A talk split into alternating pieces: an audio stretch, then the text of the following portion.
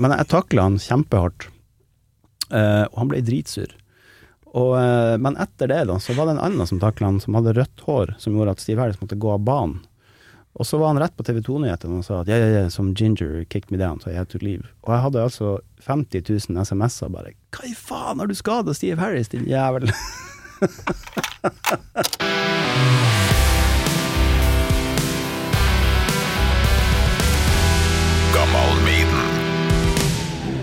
Er det noe mer du trenger da? Du har fått et glass vann.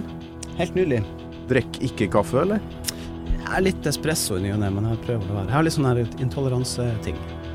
Ja, får du sånn uh, som jeg får, sånn svettetokter og kald, kaldsvetting? Nei, Hvis jeg drikker vanlig filterkaffe og sånt, kokekaffe, så uh, begynner det å kløre i halsen. Blir Ja. trøtt av alle ting. Uh, Blir trøtt? ja, det er jo helt fjernt. Den eneste forklaringa har kommet opp med at det kanskje er garvesyra som gjør det. Ja. For espresso går bra, um, og der er det veldig lite syre. Så, eh, Så du har litt samme trøbbelet med rødvin, da, eller? Der Eh, er vel ja. noe garvesyre. ja, men etter ei flaske går det bra. Helt utrolig bra at du tok turen eh, innom, altså. Takk for at jeg fikk lov. Ja, jeg gleder meg skikkelig. Er du klar, eller? Jeg er klar, vet du.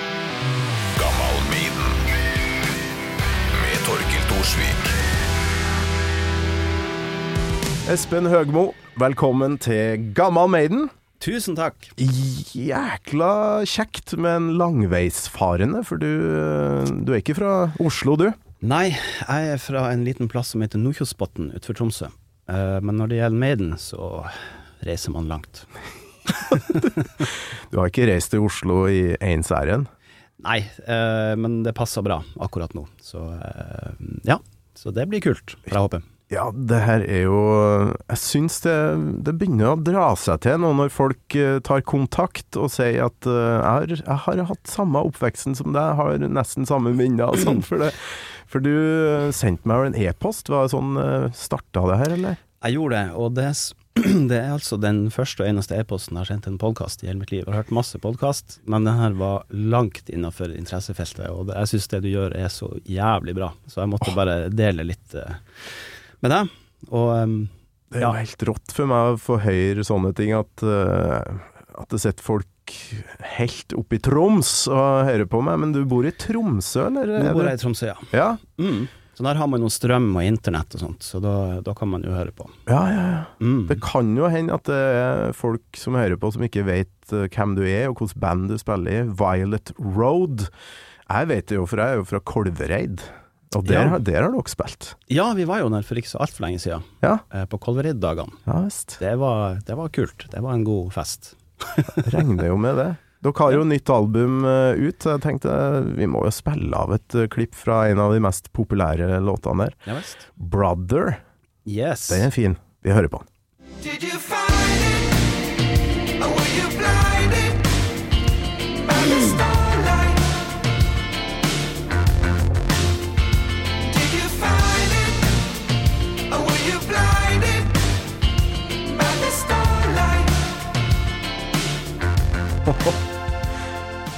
så lekkert produsert det her.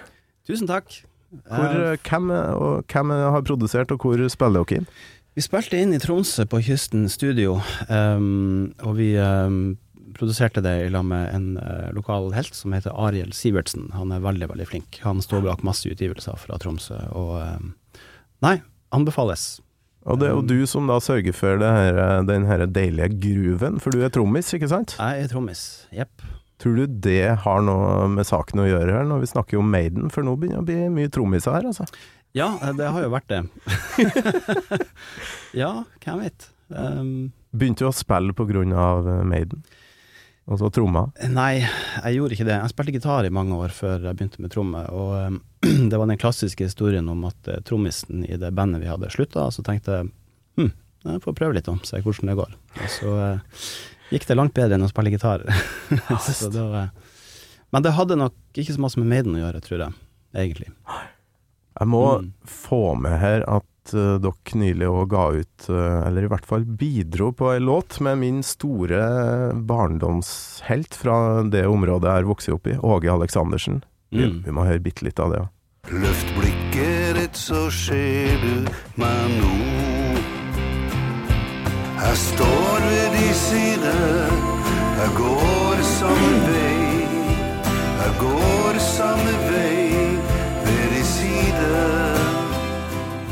Ja, det er jo nydelig det her òg. Hvordan var det å jobbe altså, Jeg møter jo Åge innimellom, men uh, skal ærlig innrømme at uh, han er så, såpass gud for meg at jeg blir ikke vant med det. Hvordan var det å jobbe med, med Åge?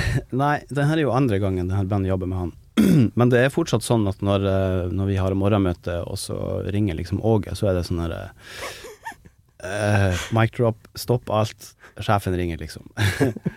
han er, ja, han Sett på jo flymodus, for nå er Åge på tråden. Ja, rett og slett. Nei, han, han ringte rett og slett og lurte på om eh, vi hadde lyst til å bidra på den låta der, og uh, fikk egentlig ganske frie tøyler. Og når Åge spør, så svarer man ja. Så eh, det var jo bare en, en glede, rett og slett. Men du skjønner hva jeg mener. Det er, det er et eller annet med artister som slo gjennom på 70- og 80-tallet. De, de er så mye mer guder enn de som, er, som slo gjennom i senere tid. Da. Ja, helt klart. Og vi er jo så gamle at vi husker jo det. Så eh, Nei, han er jo, han er jo eh, Han er en legende, rett og slett. Og, eh, og vi spilte jo også live på TV med han etter den, og det var ja, det kribla litt ekstra i, eh, i magen, rett og slett. Men du er, du er godt vant med å spille for mye folk for Violet Road. Det er jo svært. Altså, dere, det er ble overraska, skal jeg ærlig innrømme, når jeg så på antallet streams og sånt på Spotify. Det, Mm. Dere har et helsikes svært publikum.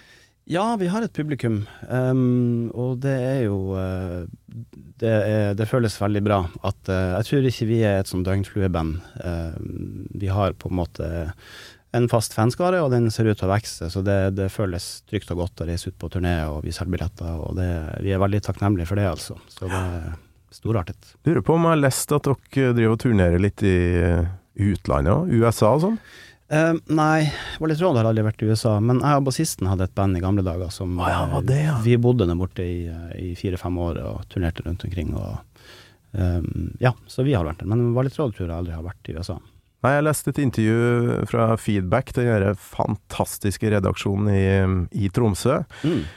Uh, der du svarte på en del sånne kule spørsmål, og der kom det fram en USA-historie med noe oppkast eller noe sånt. Hva var det? Ja, vi spilte med matforgiftning, jeg og bassisten. Vi, eh, vi spilte på et eh, svært kasino utenfor San Diego, og eh, vi bestilte en biff. Jeg vet ikke helt hvorfor vi følte at å bestille en biff på et kasino var en lur idé, men nøyaktig en time før show så begynte vi begge to å kaste opp, og det var det var helt forferdelig, og det var aldri snakk om å avlyse. Vi spilte support for en artist som heter Pat Benatar. Det var liksom Oi, oi. 7000-8000 i publikum. Han er kjent. Hun er kjent, ja. Er det, ah, ok. Det, det er dame? Ja, Patricia. Jeg har aldri hørt musikken, men det navnet har jeg hørt eh, eller lest. Ja, hun er veldig stor i USA, men hun var veldig lite i Europa. På Fy faen, han er kjent, ass. Han er superkjent. Nei da, men det var uansett bare snakk om Maiden-nerd Torkil Thorsvik bare Fy faen, han er kjent. Ja. Men sånn, eh, sånn er det. Kan ikke høre på alt. Nei, Men hva sånn slags er det. musikk er det? Pat? Det er rock, pop. Um, ja, rett og slett. Veldig, veldig tøff rockestemme. Hun var Hun hadde den andre videoen i historien på MTV Ok. i 1982. Å ja, det er såpass, ja. Ja da, ja men da er, det ikke så rart at jeg har hørt navnet, i hvert fall. Mm. Han er skikkelig nassal nå, hører jeg det. Vi er begge to litt groggy, Ja, men vi får til dette her. vi får det til. Ja, ja. ja. Men eh, der står dere, eh, hvor mange tusen er det da som skal høre på det her, og dere står og kaster opp, eller hva? Det var bare snakk om å time den siste oppkastruten til sånn to minutter før vi skulle på.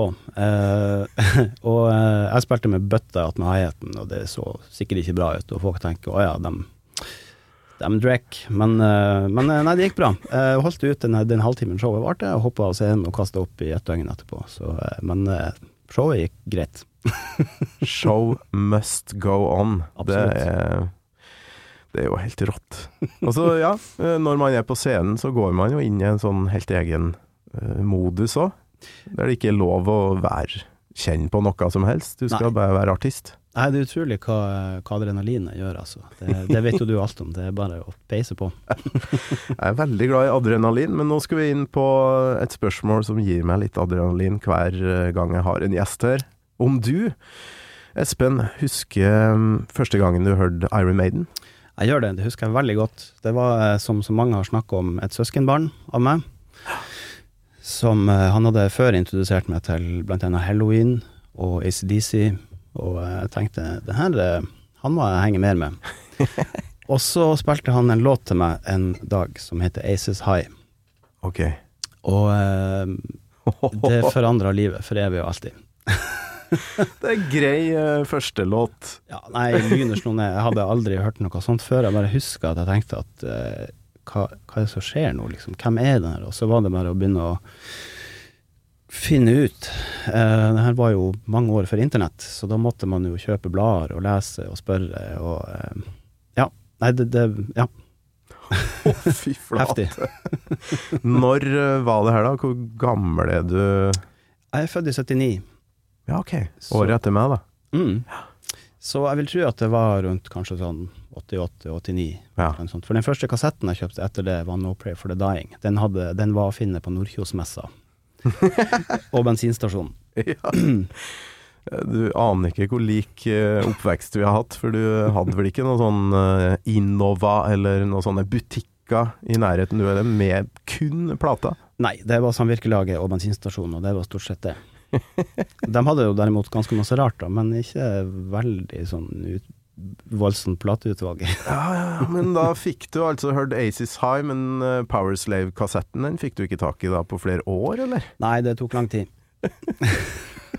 Selv om den var kommet ut sånn fem år før. Så sjukt å tenke på i dag at vi, vi visste at låta fantes. Vi har Mm. hørt den eh, fire-fem ganger den gangen der, men vi får faen ikke tak i det. Du må hjem til andre fyren, da. Ikke sant? Og han hadde den jo kun på en opptakskassett, på en sånn uh, mixtape-type ting. Så Ja. eh, nei, det var vanskelige tider. Ja, det var tungt. Det Men var jeg savner jo den, for at man måtte jo bestille kassetter på postordre. Da var det å bla opp i den her eh, katalogen fra Sverige, og bare liksom se på coverne, og bare Og logoen til Iron Maiden og de brutale coverne, det var jo eh, det var jo helt enormt. Det var jo bare å begynne å plukke ut, spare lommepengene, klippe gress som faen hjemme. Ta oppvasken for hendene mine. Hva, hva du holder på med? Hvorfor er du så eh, Nei, jeg må tjene penger, jeg må kjøpe kassetter med det her bandet. Eh, Gressesongen er jo ikke så lang heller oppe i Nordkjosbotn. Måneds tid, så, men så er det frem med snøfresen. får betalt for det òg, da. Snøfresen. Ja, utrolig bra. Aces High, altså, for ei, for ei åpning. Var det, var det én fyr da som du kjente som var interessert i det, eller var det et miljø? Det miljøet besto etter hvert av meg og en til, han gitaristen i det her bandet. Vi, vi starta, og vi, vi, vi spilte gitar begge to, og skjønte at vi måtte finne ut hvordan det tostemtopplegget fungerte. Og, Ja. så det var vi to. Og den var jo ikke sant Det var jo den tida hvor eh, Metallica og Guns N' Roses krangla om hvem som skulle være det største bandet i verden.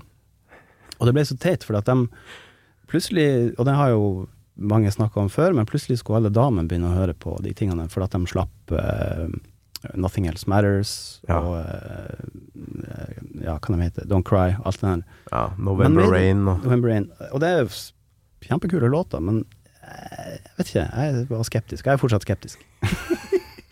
Hvis kvinnfolk hører på det da, i hvert fall på den tida, var ikke mange jenter i, på Kolvereid som hørte på Iron Maiden. Det er bra sikkert. Nei, det, det var nok ikke det på Nordkjosbotn heller.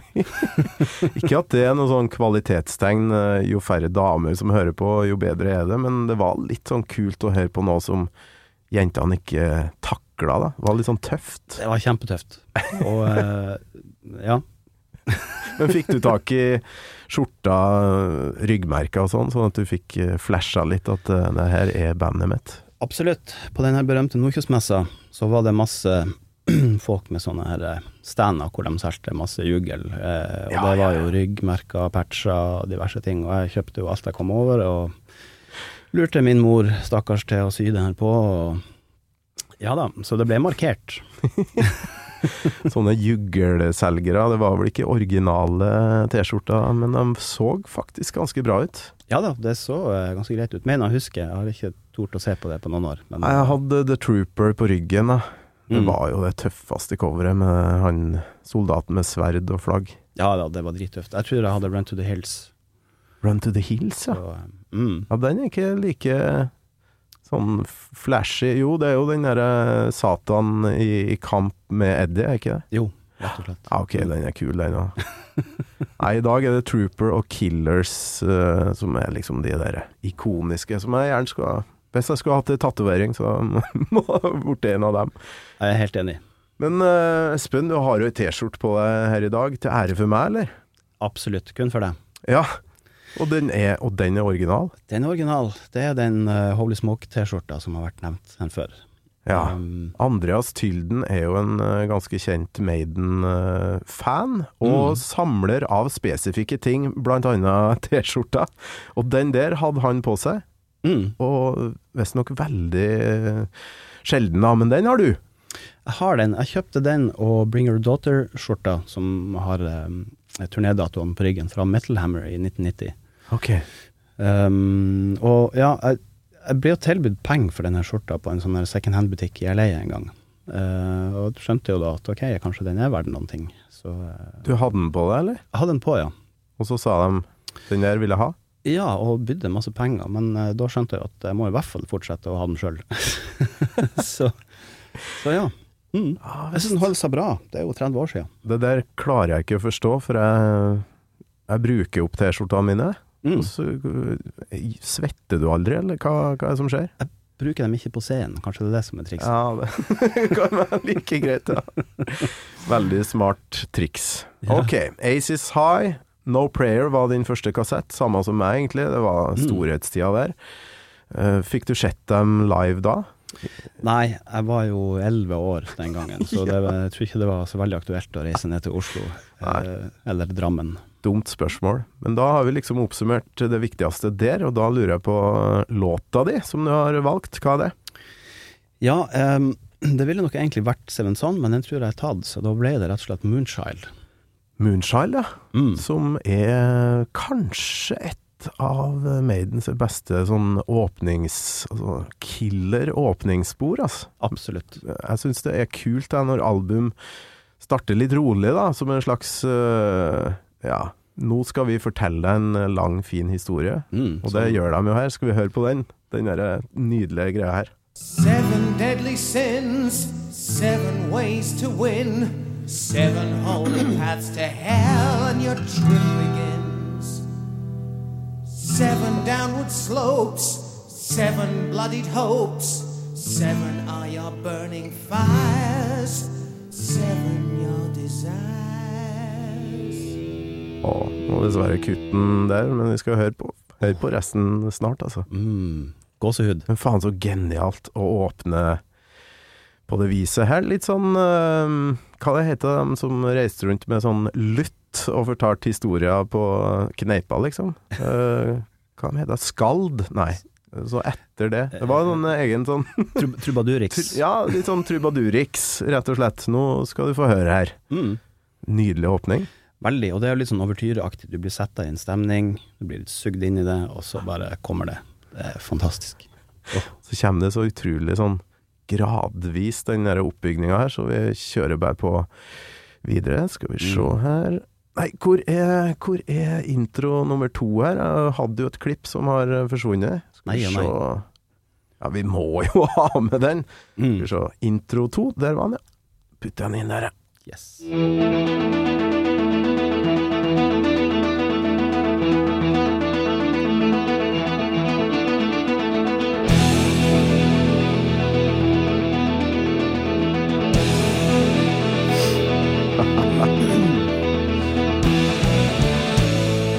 Sitter og snufse her, du òg. Det er groggy, Espen. Ja, det er ikke, det er ikke tårer. Jeg ble ikke rørt. Nei, særlig. Nei, for vi har jo hatt uh, gitaristen i Glucifer innom òg. Hans første møte med Maiden var det her. Og da Ja. var liksom ingen vei tilbake. Hvorfor akkurat Moonchild for din del?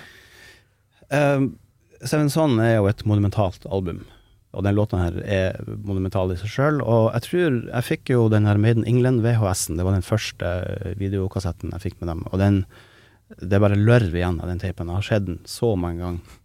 Og den åpninga der, med hvor den, hele den introdelen er på teip, og de denger inn på verset der. Eh, jeg, jeg får frysning bare av å tenke på det, og, og, og, uh, Den låta har alt. Den er kjapp, den har en brutal tekst. I will torment you, your soul will bleed to death. Altså, det, det er mørkt, og um, det er bra melodi. Gitarsoloen er kanontøff. Den har tritonusriff. Det, det, den har alt. Og så skjønte jeg senere, når jeg litt, når jeg ble litt eldre, så skjønte jeg at uh, låta ble gjort i ett take. Og det er også uh, Det er bra spilt. Har du lest det? Dette har jeg lest. I helsike. Mm.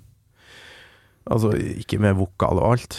Det var sikkert overdubs, men uh, så lenge det var tromme og bass og et par gitarer, så er, det- så er det greit. Det er ganske vilt å tenke på. Det, skal jeg, det må jeg tenke på neste gang jeg hører hele låta her. Kan tenke på det nå mens jeg hører på liksom uh, Når bruceren kommer inn her. For det øyeblikket her er jo ganske likt Live After Death, når de hopper inn på Aces High der. Altså Når Mm. de åpner konserten sånn, da er jeg, da er jeg solgt. Ja, og det, det viktigste i en konsert for meg er i hvert fall åpninga, når de scenen eksploderer og det starter. Det, det, Det, altså Band som bare kommer ruslende inn, hilser litt på publikum. Altså det blir jo ikke helt det samme. det er dølt. Du, det, du, du må sette stemninga. Du skal hoppe inn! Og det gjør de jo her, da.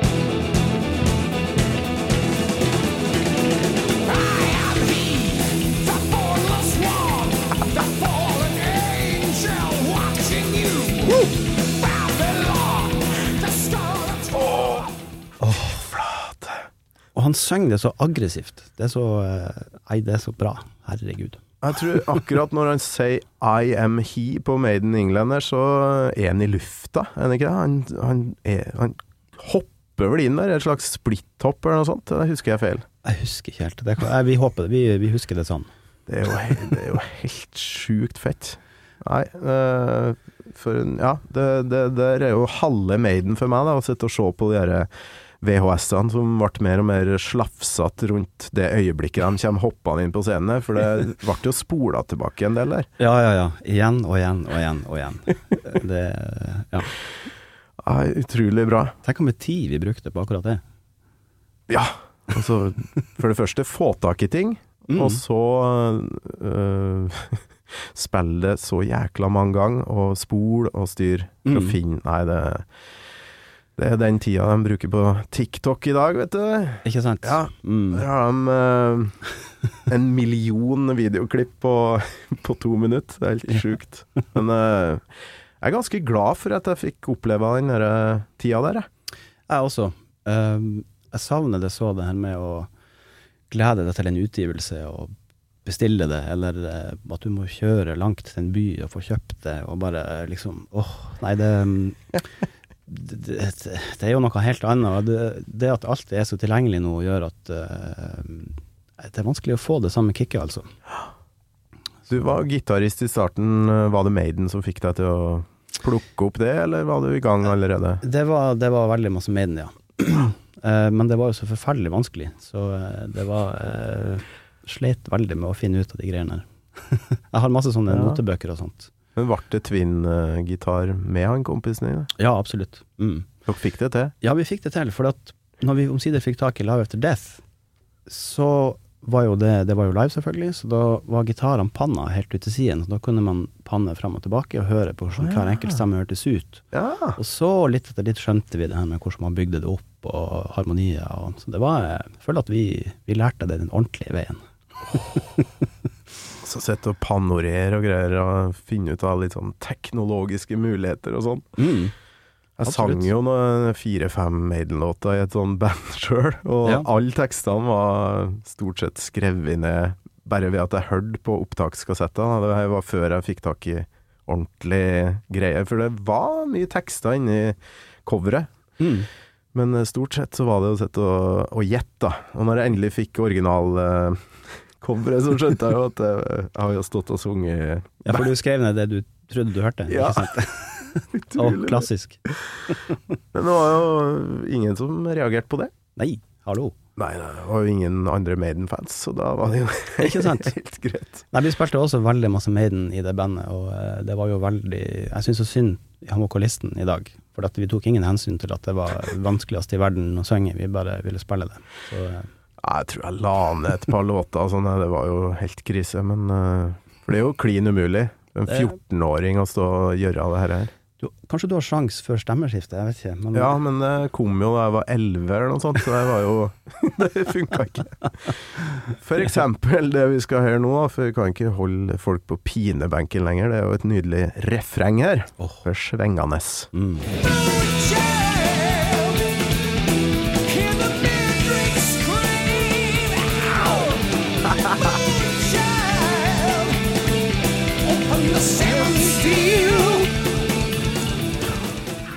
Ja, nå kom luftrommene dine her. Du sitter og veiver med hendene. Mm. For uh, den låta her må jo være litt på grunn av at du er trommis òg. Ja, definitivt. Ja, ja, det er så tøft. Uh, den er ikke så lett å spille heller. Så det er Nei. Og så påstår du at det her er gjort på ett take. Han, han sitter jo bare og leker seg på klokkene og Mm. ting, tingeling, og det er jævlig mye Det er lekent. Det er veldig lekent. Men han, han får det til å flyte så bra, uansett hva han gjør. Det Nei, for en fyr. ja. Har du fått møtt noen av dem, eller eh, sett dem ordentlig, ordentlig live, da? Jeg har sett dem mange, mange ganger, og bare for å oppsummere Moonchild, så når Bruce og Adrian forlot, så ble jeg så lei meg for at jeg tenkte at eh, jeg får aldri hørt Maiden med dem, og sikkert aldri Moonchild i det hele tatt. Og selv når de kom tilbake igjen, så så det ut som det kunne bli vanskelig å få hørt den låta. Mm. Men så kom jo eh, først eh, den her eh, flyturneen, den første. Og Ja. Da spilte de Moonchild som første ekstranummer. Og da gjorde de den alt akustisk gitar. Adrian spilte riffet med en sånn delay-gitar. Kjempetøft. Og når de gjorde den Seven Son-turneen igjen i 2013, tror jeg det var, så fikk jeg jo hørt den som åpningslåt. Så det var Nei, helt fantastisk. Men jeg har sett dem mange ganger, ja. Ja, fy flate. Og um, Du sier noe der, altså den sorgen man faktisk gikk med. Eh, Jeg tror det var det som gjorde at jeg meldte meg ut til Blaze-perioden. Ja, når de forlot, det var helt forferdelig, for at eh, Ja, da skjønte jeg at han far jeg jo sikkert aldri sett. Og ja, Blaze Nei, det, det var, var 90-tallet var, var mørkt. I hvert fall slutten ut av det. Men da du endelig sto der, da, hvor var det hen her? Eh, Hvor så du Moonchild? Var det Valle Hovin, eller var det Nei, det var på selveste uh, Donington i England. Nei, dæsken. Selveste, selveste, selveste. Jesus. Så det var mange ting som, uh, som Du hadde av. fri fra bandet, og det var greit å liksom ta seg en tur. Ja da, det, var, eh, det måtte gjøres. Fy flate. Men når du da endelig får høre den Mm. live, noe du trodde i veldig mange år at du aldri skulle få oppleve, uh, Mm. skjedde det samme med deg som det gjorde med meg? At jeg bare brøyt litt sammen, jeg. Bare Ja, det var eh, tårer i øynene og eh, antydning til hyperventilering. Det var, eh, det var så stort. Så, eh, og at det var i England på deres eh, hollowed ground, som de kaller det for. Det, jo, eh, det var stort. Tå- Altså Når folk, mannfolk sier tårer i øynene, så tenker jeg at det er en underdrivelse. For jeg, jeg, er- jeg tuter på. Det, det, det renner. Å ja, ja. Ja. Nei, det var ikke tuting, men det var, jeg var eh, veldig bevega av, av situasjonen. ja, men da er du en sånn typisk nordlending, eller sånn, eh, sånn hardkar som ikke Som har den derre stoppeknappen. Ja, nei, ja, ja, mulig, jeg vet ikke, men eh, Jeg var i konfirmasjon i høst til nevøen min, da. Ja. Det er nok, altså. mm. Jeg er ikke noe glad i å være i kirka, jeg syns det er mye bullshit som blir sagt der, men så står han der og får den der handa oppå hodet, og jeg bare Ikke ja, sant? knekker sammen. det er så rørende. Men du er jo far og greier, det kan jo være at det Ja, du er ikke det, du, da? Nei. Ikke ennå. Ok, Mm. ikke ennå i hvert fall. Nei, men da, da har du noe tuting i vente hvis du blir pappa en vakker dag. Men uh, for, for min del så var det jo Rhyme of the Ancient Mariner. Tror det var 2008, kan det ha vært det. Ja, Ja. det. Mm. Uh, det var sånn Den får jeg jo aldri hørt. Det er Mm. sånn Live After Death. Uh, Sittet og hørt 40 000 ganger. Det kommer ikke til å skje. Og så skjedde det. Ikke sant? Og jeg hadde ikke sjekka settlista på forhånd. Jeg var bare sånn Det her skal jeg ikke Jeg skal ikke vite hva Mm. jeg har i vente. Og så kommer den låta, og da, da var det onkel Torkil, altså, som sto og tuta. Ja. Nei, å høre den var selvfølgelig veldig stort. Um, Ah. Så apropos Live After Death, så fikk jeg sett dem på, i Long Beach Arena i 2003. Å ja, Med, Du er bare på sånne legendariske plasser, du. ja, nei, det var Valle Hoven er ikke bra nok for deg? Jeg så den på Valhovin òg, men, Ja. ja. men ja. Nei, så å, labbe inn i den arenaen var jo temmelig spesielt, selvfølgelig. Så oh. det, var, det var også kult. Scream for me Long Beach. Jeg fikk hørt det live, på ordentlig. Ja, Han sa det mange ganger, eller? Ja, ja, ja. Eller skrek det? Absolutt. Dæven smetti. Når var det, da? 2003 på høsten. Ja. Mm. ja, for det var en sånn bære gamle låter på den turneen. Ja, det var en sånn best of-greie. De starta med The Number of the Beast, husker jeg. Oi, oi. det er en bra. Grei åpningslåt, ja. Mm. Nei, så du har da etter hvert eh, bare Du begynte å bruke penger på det her, og, og det ble eh, en sånn litt større greie for deg etter eh, 2000, da. Ja, jeg så dem jo på Brainy World-turneen i Spektrum, det var første gangen. Så um, for en glede det var å innse hvor latterlig bra det faktisk var live. Det var jo bare sånn Ja, ok. Det er ingen, det er ingen triks, det, det er bare bra. Ja. Så, eh, så det har vært mange, mange turer for å se dem etter det. Mm. Enormt, altså. Så ja, du nevnte uh, om har møtt dem. Eh, vi møttes jo faktisk på det her spoken word-showet hans i Oslo. ja. uh, Backstage etterpå. Det var, det var du der for svingende. Jeg var innom der, og det var fordi at um, en venn av meg arrangerte eh, showet hans i Tromsø. Så ringte han meg og lurte på om jeg hadde lyst til å være Bruce sin eh, ja, assistent den dagen. Og um, eh, jeg sa jo ja, selvfølgelig. Så jeg fikk faktisk uh, mer eller mindre en hel dag med han. Hjalp han med å signere alle bøkene, og uh, ja, henta han en kopp te. Hallo, det var jo fantastisk.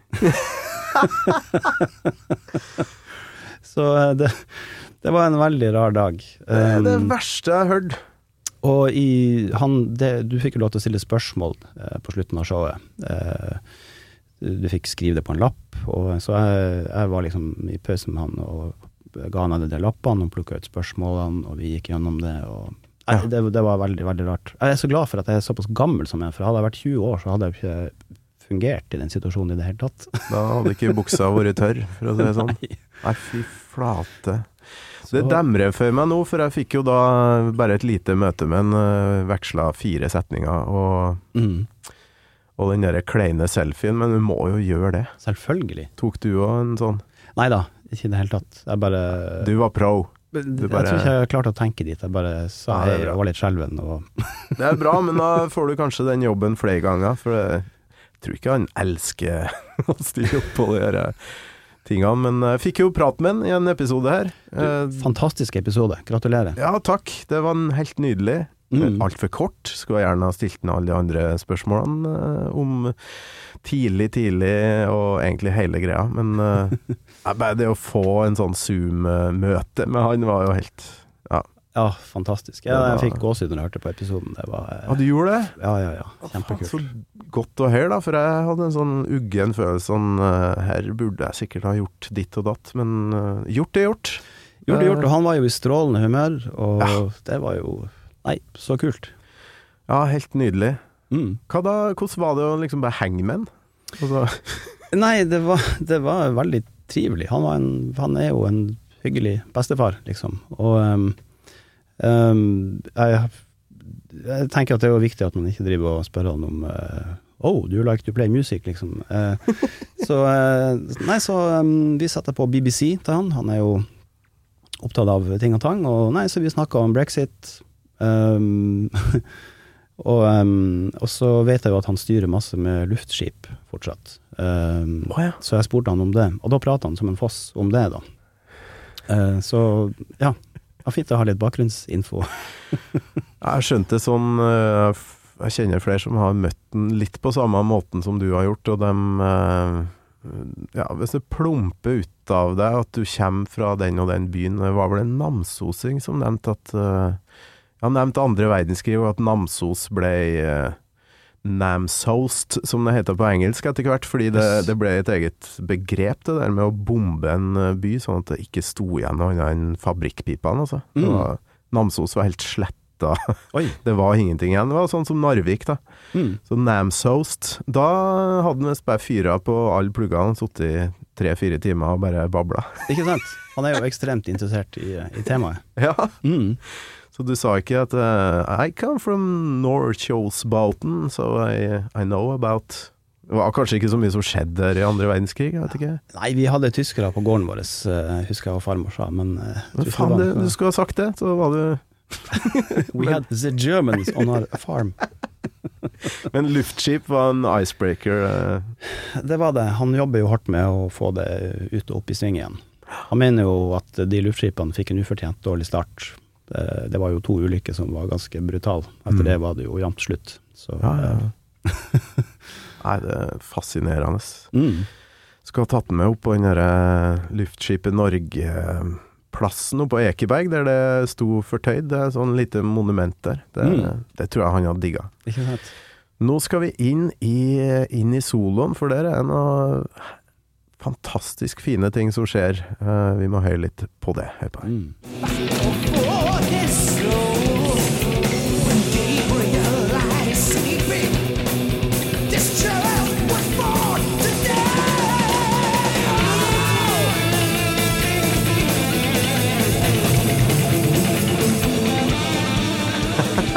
Åh. Adrian. Adrian, som har skrevet låta i lag med Bruce, er ikke det? Tror det, ja. Ja, det Mm. er Du snakka om noe Var det Tritonus du nevnte? Mm. Det tror jeg er mange som ikke vet hva er. Det er partiet som kommer etter der. Du, Ja. du, du. Ok, kanskje det er det mellom soloene, eller? Mm. Ja, da tror jeg jeg har det her. Der, ja.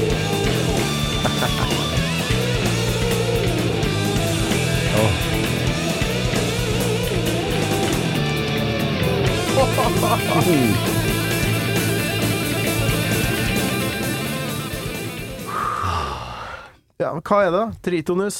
Forklar. Djevelens intervall. Det er Satans uh, Mm. Så det, intervall, ja. det er Ja, det tikker av på alle de onde boksene den låta her, altså. Det der, ja, Djevelens intervallet her har jeg lest mye om. Egentlig aldri forska så mye på det. Hva er det der Det, du, du. Hvil, Ja. Hvilket av de intervallene er det som er Nummer to der, forminska kvint. Ok. Mm. Hva er, klassisk gjør det noe med oss, det her, å liksom høre det? Eller Føler du deg ikke litt ond når du hører det? Jo. Jeg vet ikke. Det er ikke så veldig lystig, akkurat.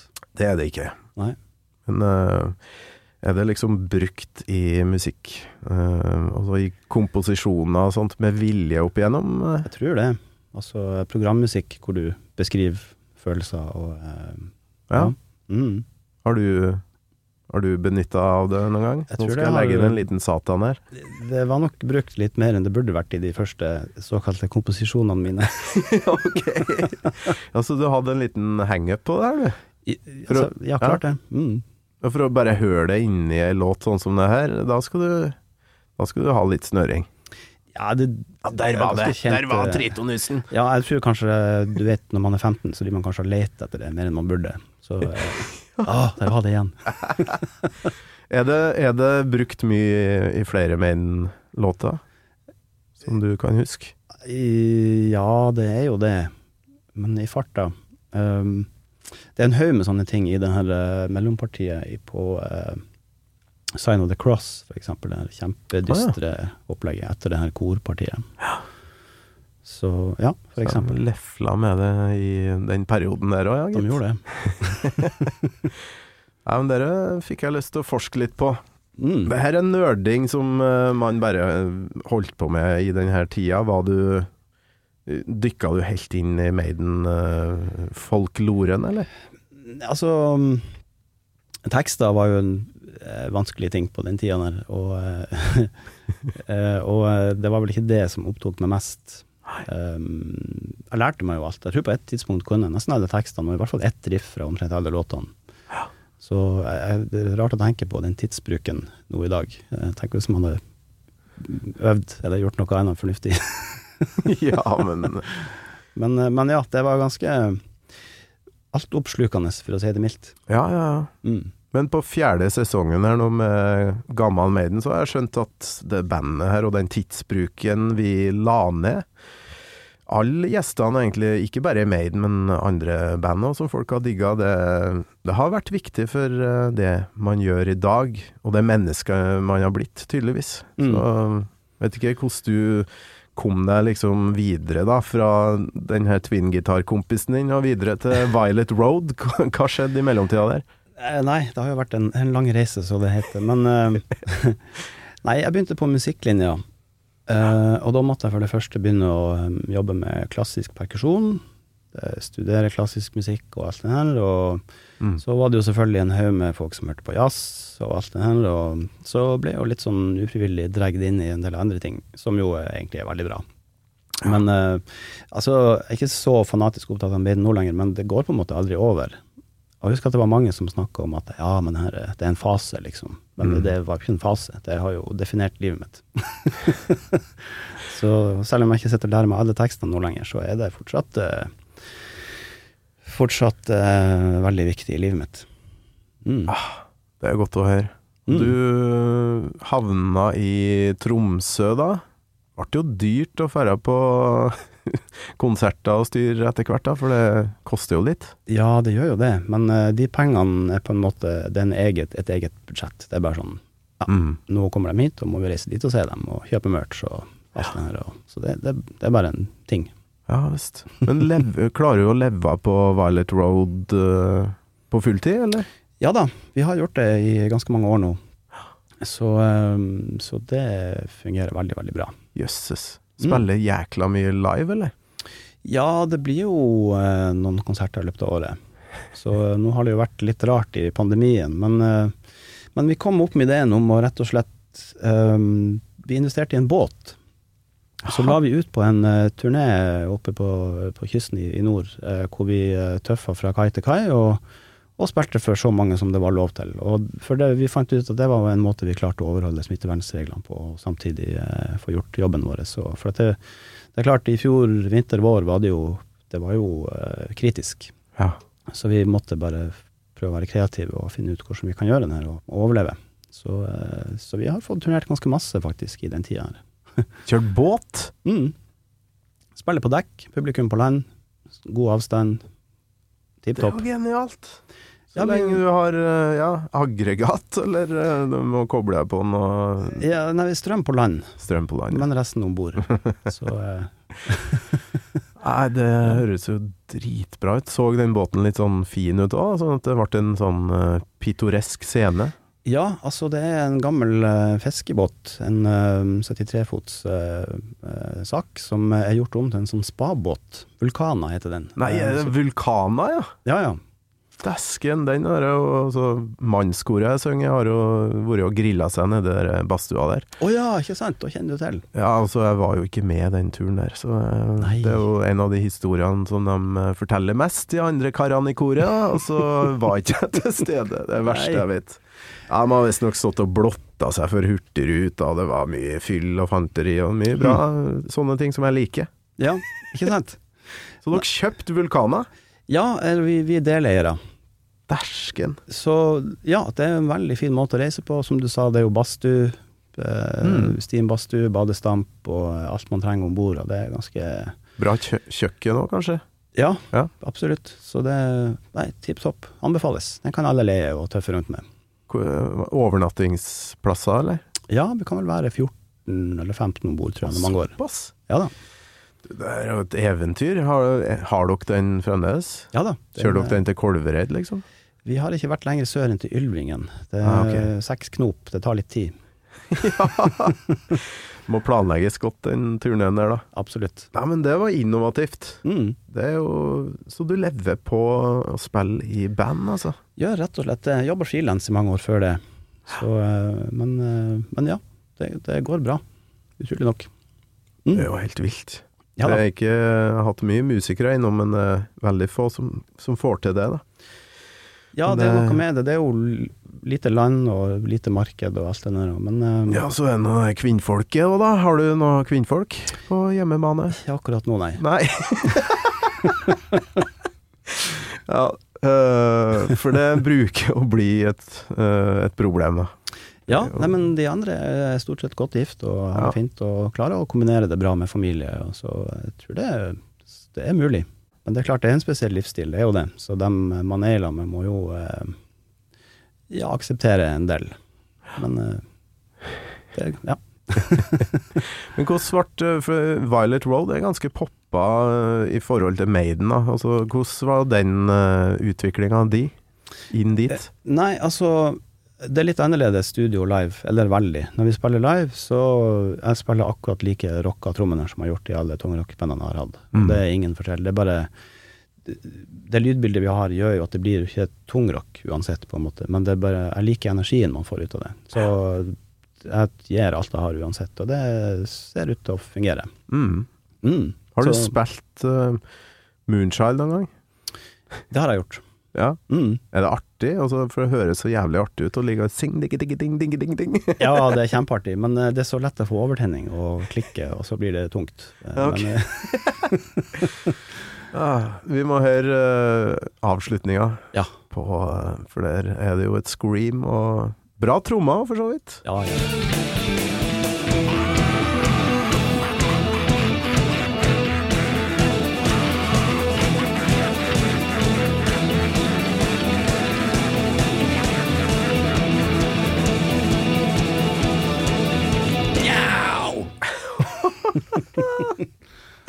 Åh, Det er så bra, den der hekselatteren her. Det er, ja det er ikke mange som kan gjøre det uten at det høres kleint ut. Nei da, han, er- han er god på det.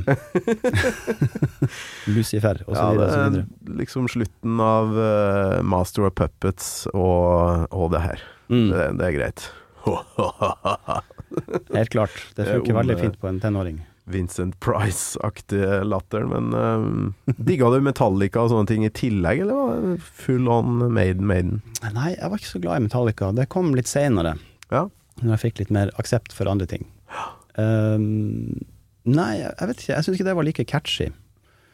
Um, Nei, det var jo brutalt å høre eh, Jeg tror det var 'Killer Mall' det var det første jeg fikk høre. mm, Da, nei, nei, nei, det her går ikke. Altfor hardt. ikke sant. Men nå så er det jo noe helt annet. Ja da, absolutt. Jeg er veldig glad i Monster Puppets og Red Lightning og så eh, Absolutt. Men den gangen var det sånn Nei, nå er, nå er det Maiden det handler om, Mm. i stor grad. Ja, det er godt å høre, ass. Mm. Hva skjer fremover nå, da, eh, mot slutten her? Hva, hva gjør du i Oslo, og hva skjer videre? Um, først og fremst besøke litt folk. Ja. Jeg skulle egentlig på Klåfinger i morgen. De dem har jeg aldri sett før, men det ble utsatt, selvfølgelig. Eh, Altså, stopp. En halv klåfinger skal de egentlig ha spilt i Oslo nå? ja, Parkteatret i morgen. Nei, dæsken. Der har du trebarnspappaen, vet du, som faen ikke får, får med seg ting. For Nei. det var Det digga jeg faktisk ganske heftig eh, noen år der. 1993 kan det ha vært det. Noe sånt. Denne Deft and Blind-plata var Ja. jo eh, Ja, det syns jeg var motherfucker. Ja, det var bøst.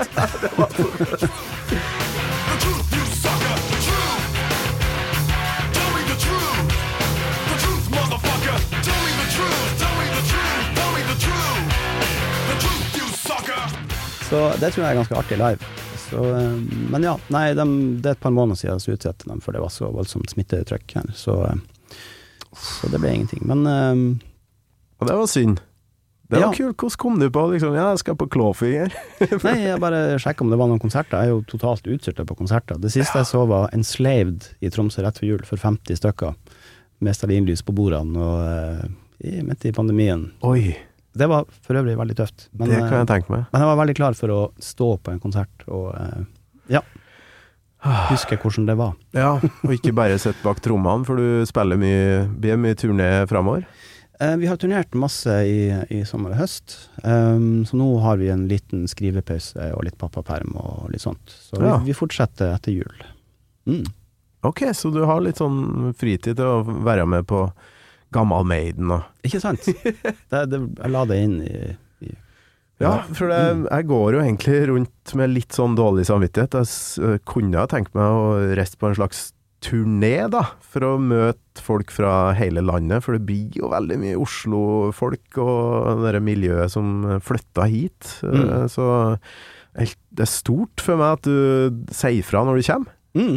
Ja, det nei, Tusen takk for at jeg får lov. Ja, men det her eh, Det ble litt balanse i regnskapet for min del her nå. Jeg har fått med en fyr nord for uh, Trondheim. Som, Ja.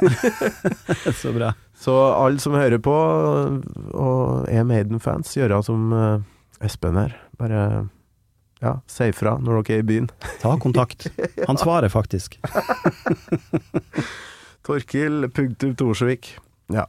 Yes. Bauermedia.no. Eh, jeg tar imot Jeg er veldig interessert i å høre hva folk syns. Og du eh, har hørt rubbel og bit, eller? Hørt alt. Du har det? Ja ja, selvfølgelig. Jeg fikk eh, tips fra en god venn av meg som bor her i Oslo. Han bare du, det her må du faktisk bare høre på. Og det har jeg gjort. Og det gleder meg til hver episode. Det er fantastisk. Så får masse bra gjester. Det er fantastisk. Nesten Altså. tårer i øynene her, og det betyr jo at tårene spruter straks. Så nå må vi avslutte. Jeg må si tusen hjertelig takk for besøket. Supertrivelig å være her. Gammal Maiden med Torkil Thorsvik, en podkast fra Radio Rock. Hva syns du jeg gikk? Jeg syns det gikk kjempebra. Ja, var helt nydelig. Var det noe vi glemte? For jeg, av og til så glemmer jeg å spørre om ting. Det Var det noe spesielt? Nei, men jeg kan fortelle, når du tenkte på, eller snakka om hvem jeg har møtt I Ja. eh, 2011 så ringte en venn av meg som er scenemester på operaen og lurte på om eh, jeg hadde lyst til å spille fotball mot Maiden. Nei, det ikke Du er dem- en av dem, ja. Ja, for de skulle være sånn eh, host for den greia der. Eh, jeg sa jo selvfølgelig ja. Begynte å jogge. Begynte å jogge litt, ja. Ja, jeg var i veldig, veldig dårlig form. Eh, så nei, så jeg spilte fotball mot Steve Harris-gjengen på en, en liten bane oppi her en plass. Eh, og det var jo eh, Så jeg hilste på Steve Harris på fotballbanen. Eh, Ja. Det var jo også eh, Jeg har aldri vært på meet and greet med dem, men, men det har jeg altså gjort, av alle ting. Ja. Så vi, de skifta sammen med oss i den bitte lille garder- garderoben etterpå. Siv Harris labba rundt i en sånn liten sånn gammelmannstruse. Og jeg bare hva, hva som skjer her nå? Det er jo helt sprøtt. så eh, vi tapte jo 11-1, vel fortjent. 13-1 kanskje. Eh, eh, masse styr, TV var der, og, og så Spiller jo bra. Mr. Harris har jeg hørt rykter om. Ja, han er jo Det var jo begredelig at han i sin alder var i tusen ganger bedre form enn meg. Men jeg takla han kjempehardt, uh, og han ble dritsur. Og, uh, men etter det da, så var det en annen som takla han, som hadde rødt hår, som gjorde at Steve Harris måtte gå av banen. Og så var han rett på TV 2-nyhetene og sa at ja, ja, ja, som Ginger kicked me down, so I had to leave. Og jeg hadde altså 50 000 SMS-er bare Hva i faen, har du skada Steve Harris, din jævel? så jeg måtte bare avkrefte det veldig fort. Og, eh, men, men ja, det var temmelig spesielt. Så var vi på lunsj på operaen med dem etterpå. Han og Rod Smallwood og eh, Det var veldig, veldig surrealistisk. Så eh, Og det verste er at nå, faktisk for en måneds tid siden, så chatta jeg med en venn av meg som også er fan, og var litt frem og tilbake. Og så sa jeg akkurat det, at jeg spilte fotball med han, så spurte han hvilket år. Og så viste det seg at han er fotograf, og han var der. Og han har altså bilde av meg og Steve Harris på banen. Og jeg trodde ingen hadde dokumentert den, så nå har jeg altså fått et bilde av han med oss. Det, det, det er så rart, ti år etterpå. så en digresjon, men, men ja. Så det har, har også skjedd. Beste digresjon ever, det. you know, we, we like to win. We don't like to lose. No one likes to lose, but at the end of the day, it's, it's about having fun and coming out and enjoying, the, you know, the day out, really. Gammal Maiden